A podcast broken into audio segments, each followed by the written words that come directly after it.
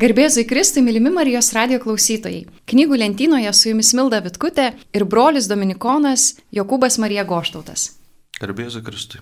Šiandien kalbamės apie Jean-René Boucher knygą Jie ieškai Dievo. Ir kadangi Boucher buvo Dominikonas, Tai ta proga antrą kartą knygų lentynoje brolis Jokūbas, kaip šios vienolyjos atstovas. Broli Jokūbai, ar galėtume trumpai papasakoti, kas yra šis brolis, Žan Renė Bušė, kas jis toks buvo ir kaip jums atrodo, kodėl Lietuvai reikėjo jo knygos? Pirmiausia, tai brolis labai artimai susijęs su mūsų Dominikonų provincija kadangi Lietuvos dominikonai priklauso Prancūzijos dominikonų provincijai, Žonriniai Bušė yra buvęs mūsų provincijos provinciolas, nors kilęs net ne iš mūsų provincijos, jis buvo iš pietų Prancūzijos provincijos.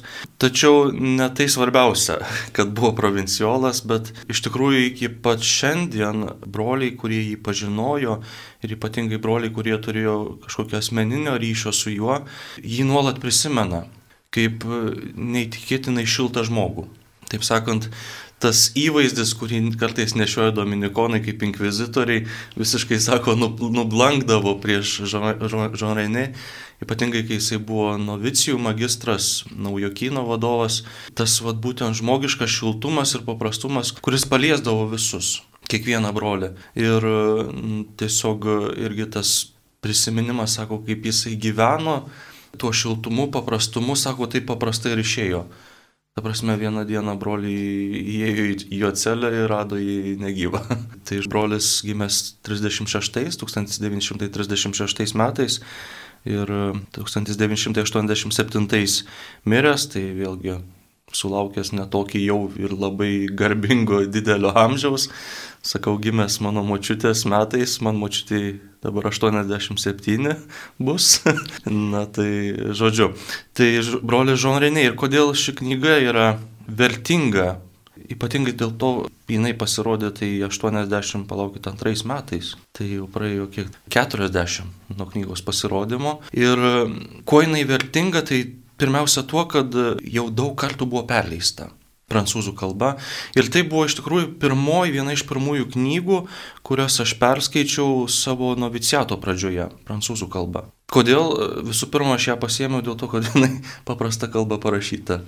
Labai, labai paprasta ir labai natūraliai. Ir, ir atrodo, 40 metų praėjo po knygos pasirodymo ir jinai vis dar yra aktuali. Tas žinai, tas aha momentas, jisai ateina iš tikrųjų ne knygą skaitant, bet jau ją perskaičius.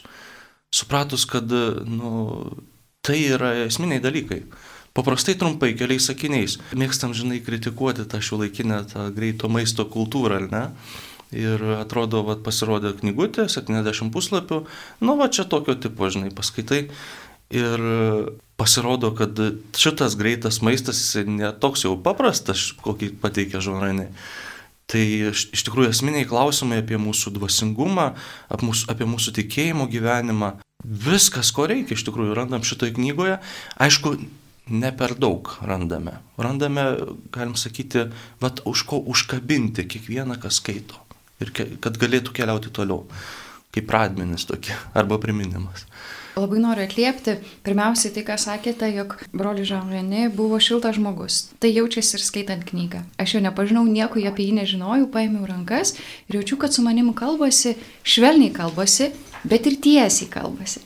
O antras dalykas, kalbėjau su keliais žmonėm, kurie taip pat jau yra perskaitę šią knygą. Ir viena moteris, tokia, galėčiau sakyti, rimtoji gyvenimo kelionė ir tikėjime daug nuėjusi, jinai sako, kaip būčiau norėjusi, kad šitą knygą man kas nors būtų padovanojęs mano tikėjimo kelionės pradžioje. Sako ir dabar man vis tiek padėjo įsivardinti keletą dalykų. Dalykų, kuriuos esu praleidusi. Kažkas liko neužlopyta, kaip būtų tikę mano kelionės pradžioje. Tai aš pati skaitydama galvojau, kad iš tikrųjų šitą knygą norėčiau padovanoti neseniai atsivertusiam žmogui ar tam, kuris ieško Dievo, ne žauka, neįrašo. Jei ieškai Dievo, ką daryti? Aš norėčiau netgi ją padovanoti tam, kuris jau nukeliavęs toli. Ta prasme, galbūt net sustabarėjęs savo tikėjime, tokio atgaivinimo momentas, nes man pačiam skaitant, vat, sustoju, žinai, ir galvoju, juk aš tai žinojau, bet reikėjo, kad primintų kažkas. Ir pats skaitydama šitą knygutę supratau, kad man priminė. Ar galėtumėt pasidalinti tais dalykais, kuriuos žinojot, bet jums reikėjo, kad primintų? Iš tikrųjų, va, tas priminimo laikas, ypatingai va, šio advento laikotarpiu man buvo ypatingai, vat, ką skaičiau ir apie ką iš tikrųjų buvau pradėjęs mąstyti ir dalinausi jau su žmonėmis per šventasias mišes pamoksluose savo, tai tas santykis tarp laiko ir gyvenimo. Ir būtent Žon Renė, jisai kažkaip sugrįžta prie šito akcento. Sako, tas jo dėmesys kreipiamas į laiką ar ne, sustok, nurimk įsiklausyk. Ir staiga peršoka ir gyvenk, žinai, gyvenk, gyvenk, gyvenk, gyvenk. Pabaigoje knygos vėl tas gyvenk. Ir toksai, palauk, tai yra šiandienos mūsų mąstymui, tai yra nesuderinami dalykai, ta prasme, sustok ir gyvenk. Nes man atrodo, ar ne, aš kaip šiandieno žmogui, kad ta gyventi reiškia kaip tik išnaudoti, žinai, bėgti, daryti, užkišti tą savo laiką, žinai, kažkokiamis veiklomis. Tas adventas, žiūrim, prabėgo tiesiog, vad, nes reikėjo tą paskaityti apie adventą, ten nueiti pašnekėti apie adventą, ten su tuo susitikti, tą padaryti, ten, ten nubėgti. Žiūriu, kad nieko nebeliko, ta prasme, nebeliko skonėjimuose. Ir vad būtent, ką Žonreni nori parodyti, kad taip gyventi bet gyventi ne taip, kaip mes norime šiandien. Ta prasme, bėgti šitą gyvenimą, skinti dieną, žinai. Jisai moko sustoti, pilnai gyventi, bet skonėjantis. Kaip sako, mūsų vienas brolis, prisimenu, Prancūzijai sakydavo, galime su tuo pačiu maistu tai padaryti. Ta prasme, galiu viską susikišti į save ir džiaugtis virškinimu, arba kaip tik valgant skonėtis to maistu, žinai. Kodėl, sako, mūsų šiandien maistas toks beskonis? Dėl to, kad ne tas svarbiausia, svarbiausia, kad būtų skrandis pilnas. Taip ir atrodo šiandien, va, žmogus bėga, bėga, bėga, atrodo pilnai skina tą savo gyvenimą ir galiausiai ateina laikas, kuomet turi sustoti ir suprato, palauk, bet aš negyvenau. Iš kur ateina va, tas noras pratesti savo gyvenimą, ar ne? Visokiausiais būdais - ir vaistais, ir medikais, ir, ir mokslo pasiekimais, tam, kad būtų, atrodo, prailginti tą savo gyvenimą, kad galėčiau dar apibėgti kažko daugiau. Bet e, pasižiūrint va, į mūsų senelių, prosenelių laikus, žmonėms ateidavo gyvenimo galas ir jie tiesiog šito klausimo nekeldavo, kad dar noriu kažko gyventi. Nes jie gyvendavo pilnai, žinai, žemdirbėjai ypatingai jie išgyvena, tai pasėję sieklą, jie laukia tas kantrybės laikas, ta laiko išgyvenimas kitaip laikas, konėjimasis laiko, įsiklausimas laiko. Ir vad per tą įsiklausimą laiko žurnalė sako, įsiklausyk Dievo šitam sustojime. Ir pamatysi, kad tavo gyvenimas taps dar pilnesnis, jeigu Dievas bus būtent centre viso tavo šito laiko išgyvenimo. Šią laidą mes įrašome per Adventą gali būti, kad ji pasirodys naujaisiais metais. Tai, broli Jokūbai, čia turbūt bus mums visiems palinkėjimas naujiesiams metams. Aš pati norėčiau pasidalinti vieną vietą, kuri man labai įstrigo. Man labai patinka pati knygos pradžia, kaip broli Žanronė kalba apie Evangeliją. Sako, kad tu turi skaityti Evangeliją, nes reikia, kad apie Dievą sužinotum iš paties Dievo. Tu daug esi girdėjęs, nuo vaikystės visi tau pasakoja, pristato, bet sako, leisk Dievui pačiam pasirodyti. Ir sako, Evangelijos yra, yra ta vieta, kur jis pasirodo. Bet tada skaitau toliau, jei versdamas puslapį po puslapio, imi teisti savo brolį, žinau, kad nusidėjai. Evangelija niekam nėra blogoji naujiena. Nuneša stogą, ar ne? Taip. Tikrai, Evangelija niekam nėra blogoji naujiena. Ir tai nereiškia, kad aš turiu kažkaip tapti moraliai neutralus. Ta prasme, moralinė prasme sakyti nėra gėrio ar blogio. Tiesiog mano vidinė nuostata kito žmogaus atžvilgių turi būti kaip Dievo, kaip Jėzus. Jis buvo tas vienintelis sveikas žmogus. Tas pats sveikiausias žmogus minioje. Kažkas įvyksta, kažkas padaro kažką blogai, tada kiti nori nuteisti. Situacija išrišta, viskas aišku ir tada ateina Jėzus ir sumaišo kortas ir pasirodo, oh, Jis geriausiai viską mato. Kodėl? Nes jis yra Dievas. Tad va, toks paprastas priminimas - leisti Dievui pačiam apie save prabilti ir prisiminti, kai Dievas kalba, šita geroji naujiena yra ne tik man, bet kiekvienam. Ir jeigu mano elgesys tampa blogąją naujieną kitam, susimoviau. Taip, be abejo. Iš tikrųjų, ko mus moko Evangelija, tai pilnai išgyventi tai, kas mes esame. Ir pilnai išgyventi savo, savo žmogystę, tai va ir būtent yra prieimimas Evangelijos. Nes ta prasme, gyvenimas nėra blogis. Gyvenimas santykios su žmonėmis nėra blogis ir galbūt vad ką primena vėl tos pačios kalėdų šventės, tai būtent, kad Dievas atėjo priimti žmogystės ir jūs ją priėmė iki galo. Čia vėlgi buvo tas, ta savaitė Advento laiku, kuomet vis sugrįždavom prie Evangelijos vietos, kuomet Jonas Krikštytojas abejoja, jis siunčia mokinius, pas Jėzus sako, ar tu esi tas, kuris turi ateiti, ar mums laukti kito. Žinai, tas, ta abejonės nuotaika. Ir tai labai aiškiai parodo, kad pranašas tas yra lygiai toks pat žmogus, kuris gali suabejoti. Bet Dievas vat ateina ir pasiema visą tai. Ir kaip žonorinė irgi pabrėžia irgi keliuose skireliuose, sako, raudok, abejok, išgyvenk va, tą savo žmogystę iki galo. Kaip yra vienas senovinis toksai graikų bažnyčios posakis, sako, šventasis be žmogystės yra demonas apsirengęs aukso rūbais. Ta prasme, Dievas atėjo priimti savo žmog, priimti žmogystę ir jeigu aš nemoku gyventi savo žmogystės iki galo su viskuo, kas yra, kas joje yra, kas yra džiaugsmingas, kas yra, kas yra liūdna, tuomet Dievas ir neteis. Dievas ir neteis, aš tapsiu tiesiog angelėliu. Ir nėra blogai angelėliu tapti, bet tai angelas nėra žmogus. Ir ta prasme, kad Dievas prisiliečia ypatingai prie mūsų gyvenimų, va, būtent tame giliame žmogystės išgyvenime, visoje toje realybėje. Ir žmonė sako, nu, va, neskraidyk padebesiais, gyvenk, gyvenk iki galo, jei ieškai Dievo. Taip, dar viena vieta. Negaliu nepacituoti po jūsų pasakymo, reikia pratesti. Vadinasi, nusim kaukę tu svajoji būti angelu. Jei ne tas purvas vis limpantis prie batų ir ne ta pečius legiantis sunki našta, tai kiltum aukštyn skristes kristum. Svajoji kaip melsiesi, paniręs jo artumos pripildytoje tylumoje, išsižiojęs poksai būdas paskendusius bevaizdėje kontempliacijoje. Tarytum, čia labai svarbi vieta, tarytum prie Dievo dėrėtų artintis prisidengus kaukę. Lik tau reikėtų slėpti savo randus ir sujaukta vidų nuo to, kuris pažinojo tave dar motinos iščiose. Būtent, kai skrajoji, esi sunkus ir apgavikiškas. Ir aš skaitau šitą vietą.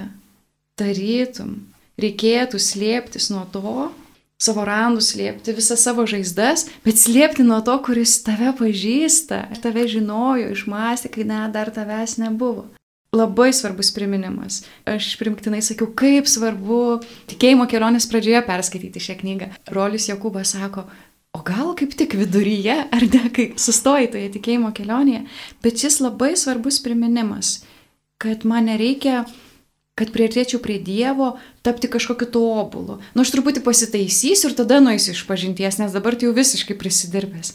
Ne, man reikia išmokti artintis prie Dievo, leisti jam parodyti, tiksliau leisti savo, parodyti jam savo žaizdas ir priimti jo malonę, kuri galėtų mane išgydyti.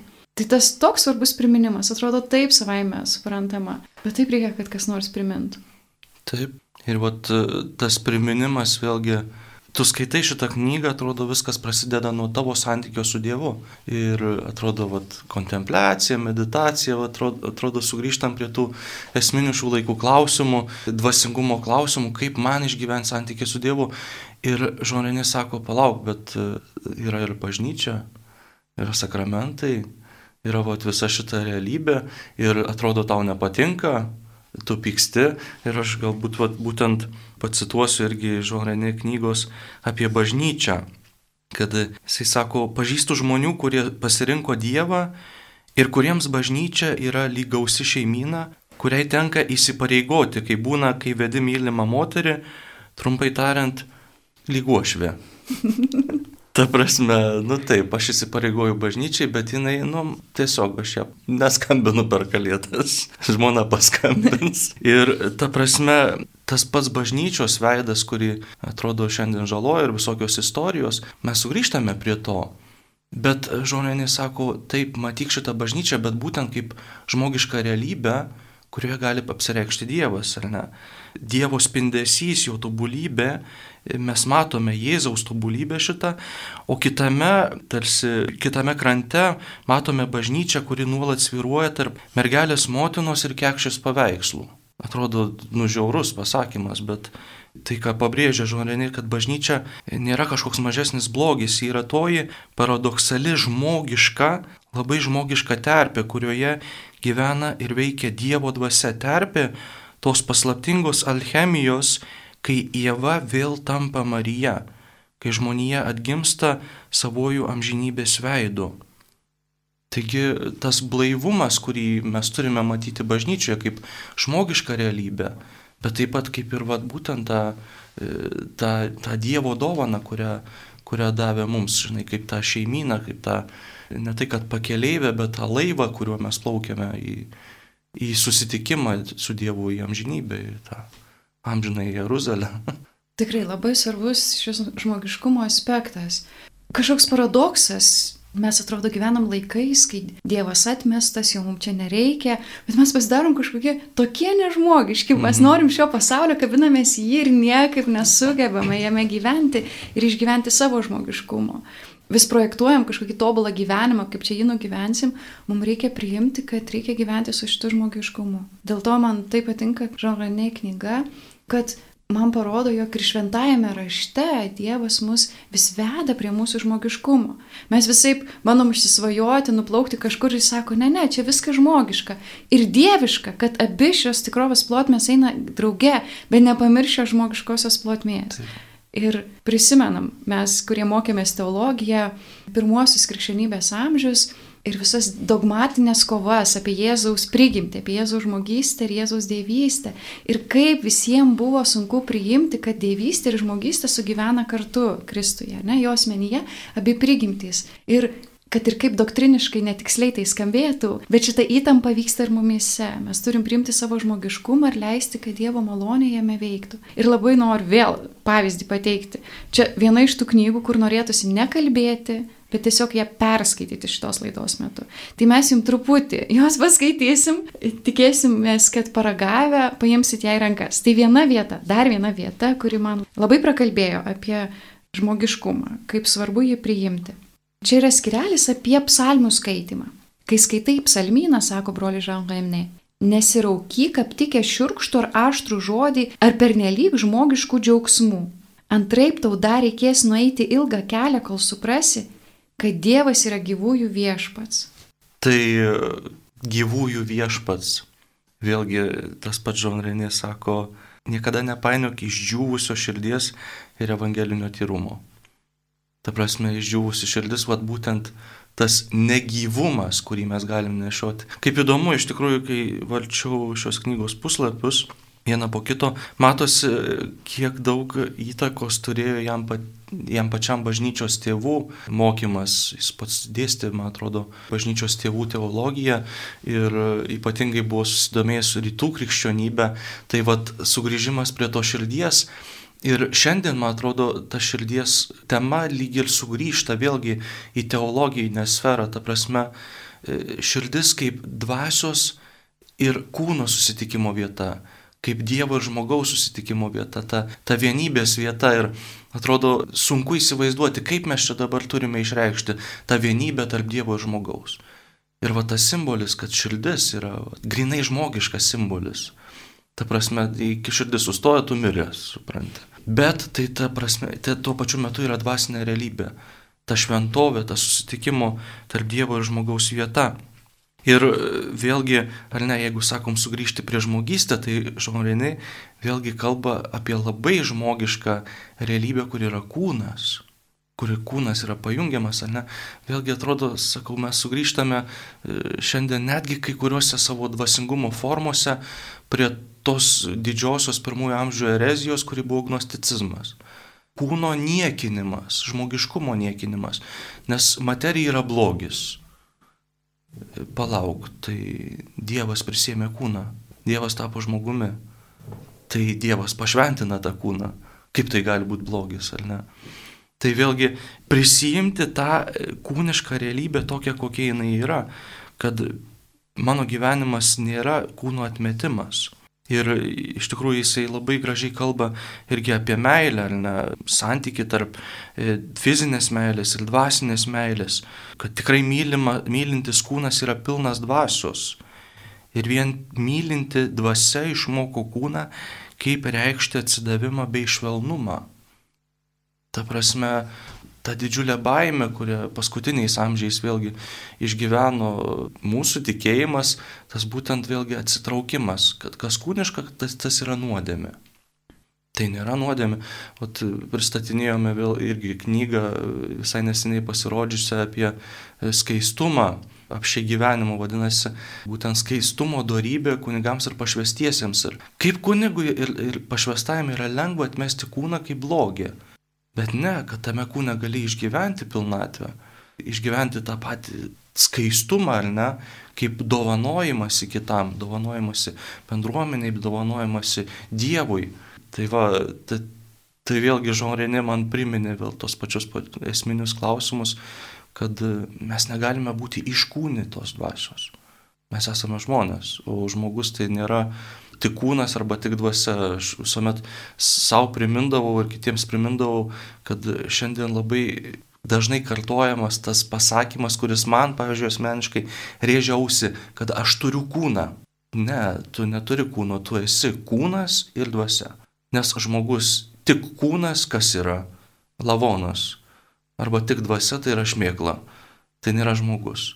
Tai vad, žmogus vat, ir yra būtent išgyvenimas to pilnai kūniškumo savo ir, ir sieliškumo ir dvasiškumo, žinai. Tai va. Jums kalbant apie gnosticizmą ir apie tą paniką kūnui, man taip sukosi mintis apie tai, kad koks dabar tas gnosticizmas, tas kūno nepriemimas, kad mes nepriemam kūno silpnumo. Ir prisimenu šį pusmetį studijavau tokį kursą kančios teologiją, skaitėme Tomą Kvinietį, kuris aiškina apie tai, ką reiškia blogis kaip gėrio trūkumas, kaip suprasti, kad blogis yra gėrio trūkumas. Ir Tomas Akvinėtis sako, ne kiekvienas trūkumas yra blogis. Trūkumas, kuris yra blogis, tai kai kažko nėra, ten, kur pagal prigimti turėtų būti. Mūsų kūnai yra silpni, jie sensta, jie pavarksta. Ir tai nėra blogis, kad mūsų prigimtyje mes nesame visagaliai. Ir mums reikia išmokti priimti tam tikrus gyvenimo etapus ar lūžius. Mums reikia priimti, kad peržengęs, man tai pasito 26 metus, nebegali nemiegoti dvi paras ir per 15 valandų išmegojęs, ne, ištisai jas atsigauti, nebepavyksta. Tu pradedi pajusti ribas. Bet taip pat priimti senatvę. Priimti, kad aš esu kūniškai lėtesnis ir tai nėra blogis. Mano ribotumas nėra blogis. Ir man atrodo, iš čia ir yra tas nesveikas kultas tobulam gražiam kūnui. Mano kūnas neturi būti tobulas visur, visose kampučiuose. Aš tiesiog turiu priimti save, koks esu ir aš negaliu būti grožio standartas. Beje, grožio standartai nuolat keičiasi. Bet vis tiek, aš negaliu būti grožio standartas, man reikia atrasti, koks aš esu ir gebėti save priimti. Tad atrodo toks paprastas dalykas priimti savo ribotumą. Mes visi čia sakome, kaip bažnyčia iš mūsų kažko labai daug reikalauja, kelia kažkokius šiandien pasiekiamus standartus, bet iš tikrųjų ne. Bažnyčia sako, priimk ten, kur esi ribotas, savo ribotumą, bet ten, kur Dievo malonės jėga gali iš jo išeiti, leisk Dievui veikti. Jis nori tave pakelti ten, kur galima tau pakilti. Taip, ir tai visiškai nereiškia, kad mes neturim rūpinti savo kūnu ta prasme, nesu grožio standartas, ar ne, ir aš pats nesu grožio standartas, bet vat, būtent prisėmimas kūniškumo, tai prisėmimas silpnumo ir taip pat rūpeščio jo, to savo kūno. Vėlgi, ar ne, labai gražiai vėl sugrįžtam prie žonrenė knygos, paskutiniuose skyriuose jisai kalba apie labai konkrečius dalykus, apie sakramentus, pavyzdžiui, Euharistijos sakramentą. Kaip išgyventi Euharistijos sakramentą, ta prasme, tą, tą realybę, kuri yra ir susitikimo su viešpačiu realybė, ir taip pat susitikimo vienas su kitu realybė. Ta prasme, negalima atskirti vieno nuo kito. Yra bažnyčia ir bažnyčioje yra Euharistijos sakramentas. Tas pats išpažinties sakramentas, kaip įdomu, ar ne, kad e, labai daug žmonių nustoja eiti iš pažinties, būtent, man atrodo, būtent dėl tų pačių gnostitizmo apraiškų mūsų gyvenime. Ta prasme, nu, vat, nuodėmę aš patraukiu į šalį, nes ne tai svarbiausia. Aš nuodėmės darau savo kūnu. Aš kūnas nesvarbu, svarbiausia mano santykis su Dievu. Ta prasme, tai nėra teisinga. Nes aš būtent per išpažinti atnešu visą tą savo realybę. Aš atsistoju Dievo akivaizdoje su tuo, kas aš esu pilnai. Ne tik mano mintis, bet tai, ką ir darau. Ir kaip aš nenoriu išsakyti kartais to, ką darau. Nes, nu, tai Dievo neliečia. Mano santykis su Dievu yra meditacija. Iš tikrųjų, man kelis metus skamanti mintis, toks supratimas, kad krikščioniškas gyvenimas moko vientisumo priimti save kaip vientisą, kad jeigu tu esi pasidalinęs, jeigu esi skilęs, negali gyventi, tiesiog tada tu sergi. Ir šitas vientisumas yra priimti visą save, kad mano kūnas ir mano duose, mano vidinis gyvenimas, mano išorinis gyvenimas, jie nėra atskiros rytis, jie turi būti sudėrėję tarpusavyje, kad aš turiu gebėti visų savo buvimu. Tai ir tom akimirkom, kai man tenka skubėti, bet ir maldos akimirkom, priimti visą save. Kažkaip suvokti, kad aš negaliu atidalinti, atriboti dalies, kuri man sudėtinga mano gyvenime. Tarsi, na, ne tai svarbu, kaip jūs sakėte, nes svarbiausia dvasinis gyvenimas. Ne, man reikia išmokti integruoti save visą, kažkaip suintegruoti, tapti vientisu. Ir tokios knygos kaip brolio Jean René, jei ieškai Dievo, yra pagalba pamatyti, kur man trūksta vientisumo Nes kartais aš tiesiog nesuprantu, kažkas negerai ir negaliu įsivardinti, kur problema. Tai čia yra, na nesakyčiau, sąžinė sąskaita, bet labai labai gerai veikia ši knyga kaip tokia gyvenimo peržvalga. Pasižiūrėti, kur aš dar esu pabiręs, kur dar nesu vientisas. Taip, tikrai taip. Sugrįžimas prie to žmogiškos realybės irgi kartais mums gali būti dar kitas radikalumas nuolatinis kryžius. Ir irgi apie tai kalba Žonrainė. Paskutiniuose skyriuose jisai e, sugrįžta prie tos kryžiaus realybės ir sako, žmonės taip pat gali turėti tendenciją visur ir visada statyti kryžių. Ta prasme, tai, tai ką aš išgyvenu, čia yra kryžius. Ir aš turiu nešiotis, ta prasme, tai ant kaklų užsikabinęs tą kryžių. Aš pats nešioju kryželį ant kaklų, bet ta prasme užsikabinęs ant kaklų, kad viskas ir visame kame matau kryžių. Ir tai yra pavojus, nes matant tik kryžių, nematom prisikėlimo. O matant kartais tik prisikėlimą, nebematom kryžiaus. Vėlgi tas, ar ne, žmogiškos realybės prieimimas, tokios kokia jinai yra. Gal tiesiog perskaitysiu, vat, būtent ką jisai kalba apie kryžių ir prisikėlimą. Yra dvi Kristų menkinančios pakraipos. Pirmoji mato vien kryžių be prisikėlimo ir pateikia jį kaip paukoto gyvenimo pavyzdį Antroji kontempliuoja prisikėlimą be kryžiaus, prašnatnų mitą mūsų svajonių išraišką. Nebegink atskirti abiejų šio slėpinio pusių. Toks jis tau duotas, tokį ir priimk tikėjimu. Nukryžiuotasis yra prisikėlusysis ir prisikėlusysis tikrai yra tas, kuris buvo nukryžiuotas. Žiūrėk, klausyk, atsiverk šitam kiekviename kryžiuje yra prisikėlimo viltis ir prisikėlimo šviesa. Iš kur ateina va, tas niūrumas šių laikų žmonių, tas netgi rūstumas, tai va, būtent dėl to, kad viskas yra man kryžius. Ir, ir, va, ir iškart skamba ausyse, man viskas yra kryžius. Ir kaip, kaip liūdna, kaip liūdna. Bet Kristus ant kryžiaus taip pat yra prisikėlusis Kristus. Ir taip pat pavojus gali būti, kuomet visur matau debesėlius, paukštelius ir gelytės. Ir nepriimu to žmogiškos realybės, kuri yra tokia, kokia jinai yra, su kančiomis, liūdėsiu ir abejonėmis. Vėlgi, ar nesugrįžimas prie tų pačių šventųjų, ar ne, kurie buvo pilnai žmogiški ir pilnai savo gyvenimą atidavė Dievui. Tikrai nėra demonai apsivilkę auksų drabužiais. Tai mums liudyja kiekvienas šventasis iš tikrųjų. Noriu atliepti į kryžiaus temą. Labai svarbus klausimas. Čia gal pristatysiu kažkaip vieną tendenciją, kurią savo aplinkoje pastebėjau. Žmonės nesprendžia problemų ir sako, čia aš turiu paukoti Kristų, čia mano kryžius, aš jį turiu nešti. Ir vietoj to, kad tiesiog ieškoti problemos sprendimo, kantriai kenčia šitą situaciją. Ir kai ateinu aš, o aš esu ta tokia, kur, nu pala, kryžius pats iš esmės nėra gėris. Kentėti yra verta dėl gero tikslo, Dievo meilėje, ne, su jo pagalba, bet kančia turi būti verta tos kančios, ne, ir pažiūrėti, galbūt galima šitą blogį pašalinti. Juk Jėzus ne tik kentėjo ant kryžiaus, jis taip pat ir gydė žmonės. Ir buvo situacijų, kai jis tiesiog nuimdavo net jų fizinę kančią. Ar net tai buvo Dievo karalystės ženklai žemėje, bet tai nebuvo tiesiog Dievas nori parodyti, kokia dangaus karalystė. Tai iš tikrųjų Dievo pasilenkimas ir gydimas. Ir mes žinome iš maldų per šventuosius, ar ne Dievo malonės prašymo, Dievas net ir fizinį blogį kartais pašalina.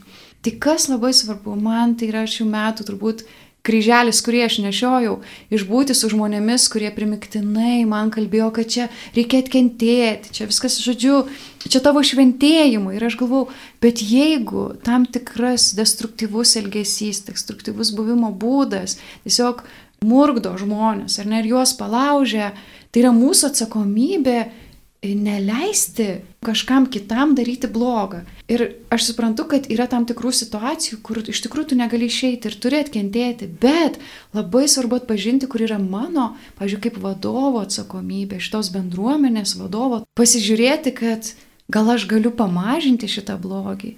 Kryžiaus prieimimas nereiškia, kad aš tiesiog paimu tavo galvą, merkiu ją į sniegą, kentėk. Ne, aš pats galiu pasirinkti kentėti. Tiksliau, kančia, kurios neišeina išvengti, aš galiu priimti samoningai, ne kaip taip, kad man ta kančia vyksta, bet aš labai samoningai joje būnu nepasiduodama šiam blogiui, nesusitapatindama su blogiu, kurį patiriu. Bet iš kitos pusės aš negaliu sakyti kitam, ai kentėk, čia tavo kryžius. Tai man buvo labai kažkaip sunku priimti, net keliose vietose, kur man sakydavo, kad čia reikia iškentėti ir aš galvau, ne, šitoj vietoj reikia pašalinti blogį.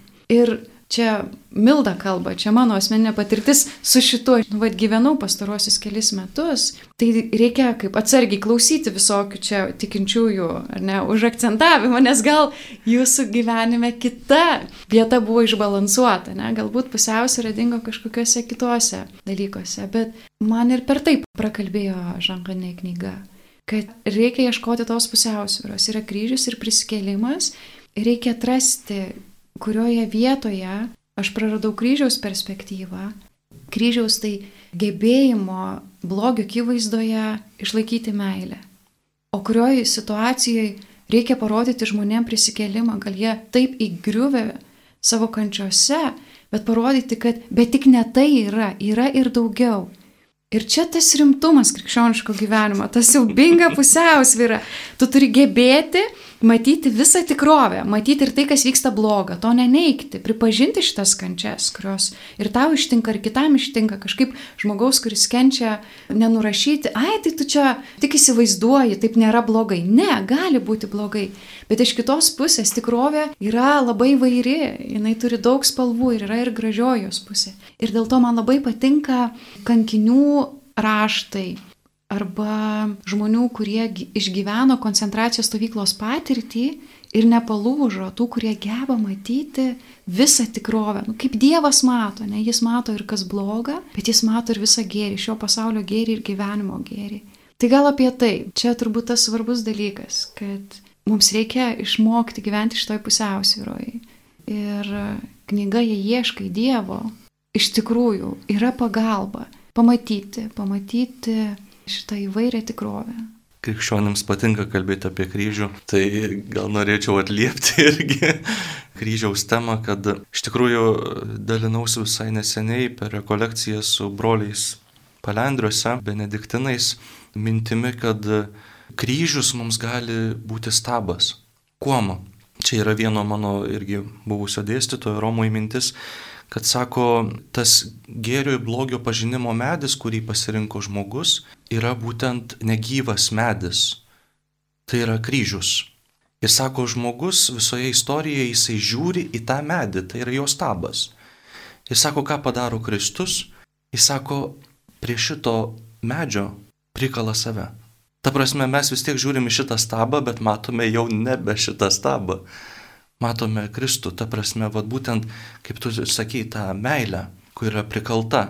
Ir būtent dėl to, kad ant šito medžio, į kurį mes nuolat spokstome, prikalta yra meilė, šitas medis tampa gyvybės medžiu, prisikėlimo simboliu. Matai, kaip Dievas įsiveržia į mūsų gyvenimą, į šitą realybę, į tą mūsų stabas yra nuo sustabarėjimo irgi. Mhm. Ta prasme, būtent sustabarėjimo į kryžių žiūrint nuolat. Ir tas krikščionių, vad būtent rūstumas ir tas tokie skausmingi veidai kryžiaus akivaizdoje, nes tai yra mano gyvenimas, mano kryžius. Kristus paima save prikala prie jo ir padaro gyvybės medžiu. Sako, šito nesibaigia tavo gyvenimas. Žiūri į šitą medį, bet žiūrim, bet matyk mane, aš čia esu, aš ateinu į tavo, tavo kasdienybę aš esu tas, kaip vad, vad, būtent keliaujant ar ne su Emauso mokiniais, jie ten dalinasi kuo keliaudami su Jėzumi. Blogiu, rūpeščiu, abejonę, čia nepavyko, čia mes tikėjome, bet taip nėra, aha, bet kaip čia bus. Ir jie atpažįsta Jėzų būtent laužant duoną, laužant tą kasdienybę. Tai yra neįtikėtina dovana, kad Dievas ateina laužyti mūsų kasdienės duonos mūsų kasdienybės. Aš galvoju, mes čia taip lengva ranka kalbam apie kryžių, apie tai, kaip Kristus prikala save apie kryžiaus meilį, kuris save prikala ir atrodo čia labai paprasti dalykai, oi, tai viskas čia mums aišku. Tai nesinori, kad jeigu šios laidos klauso žmonių, kurie iš tikrųjų labai stipriai kenčia ir negali išeiti šitos kančios, Tai mes su broliu Jokūbu nesakome, kad jūs kažkokie patys kalti, kad nemokate kažkaip ne pozityviai tą pažiūrėti. Ne. Mes to nenorim pasakyti. Bent jau aš tai tikrai labai nenoriu pasakyti.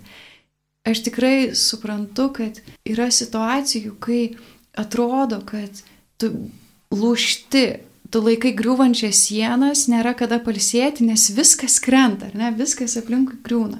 Aš galbūt tik noriu pasakyti, kad šitas pokalbis apie tai, jog labai svarbu ir kryžius, ir prisikėlimas, yra, kad mums reikia santykio, mes vieni net laikysim ir kažkurioje vietoje reikia paleisti tas griūvančias sienas. Atrodo, negali paleisti, bet kažkurioje vietoje savo tais vidiniais judesiais sakyti Dievę, teik manęs palaikyti, aš tiesiog pats vienas negaliu. Ir tai nėra tik tai labai stiprioje kančioje gyvenančio žmogaus laikysena, mums reikia jos kiekvienam, kasdieną mes galime ir patys save nuvesti į situaciją, kur pradės griūti sienos. Ne, ne tik tai gyvenimo žiaurumas, situacijos atitingumas, bet ir mes patys galime kažkaip save ir kitus nustumti į tokią situaciją. Tad baigiant laidą, jau mums rodo visai ženklais Marijos radio darbuotojai, kad laidą reikia baigti. Aš norėčiau pasakyti tik vieną žodį. Pagiriamą į žodį vertėjai. Nuostabiai išversta knyga. Ne visada tai būna. Kartais būna labai gera knyga, bet skaitai ir kur nors užkliuvi.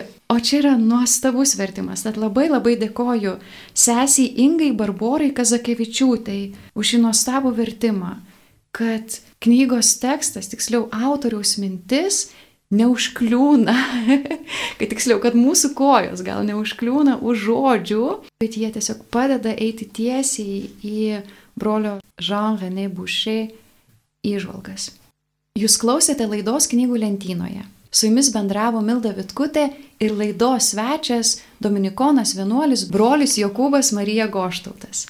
Kalbėjomės apie katalikų pasaulio leidinių knygą Dominikonų vienuolio Jean-René Boucher Jei ieškai Dievo. Jei ieškai Dievo, gyvenk, kaip sako brolis, su Dievu.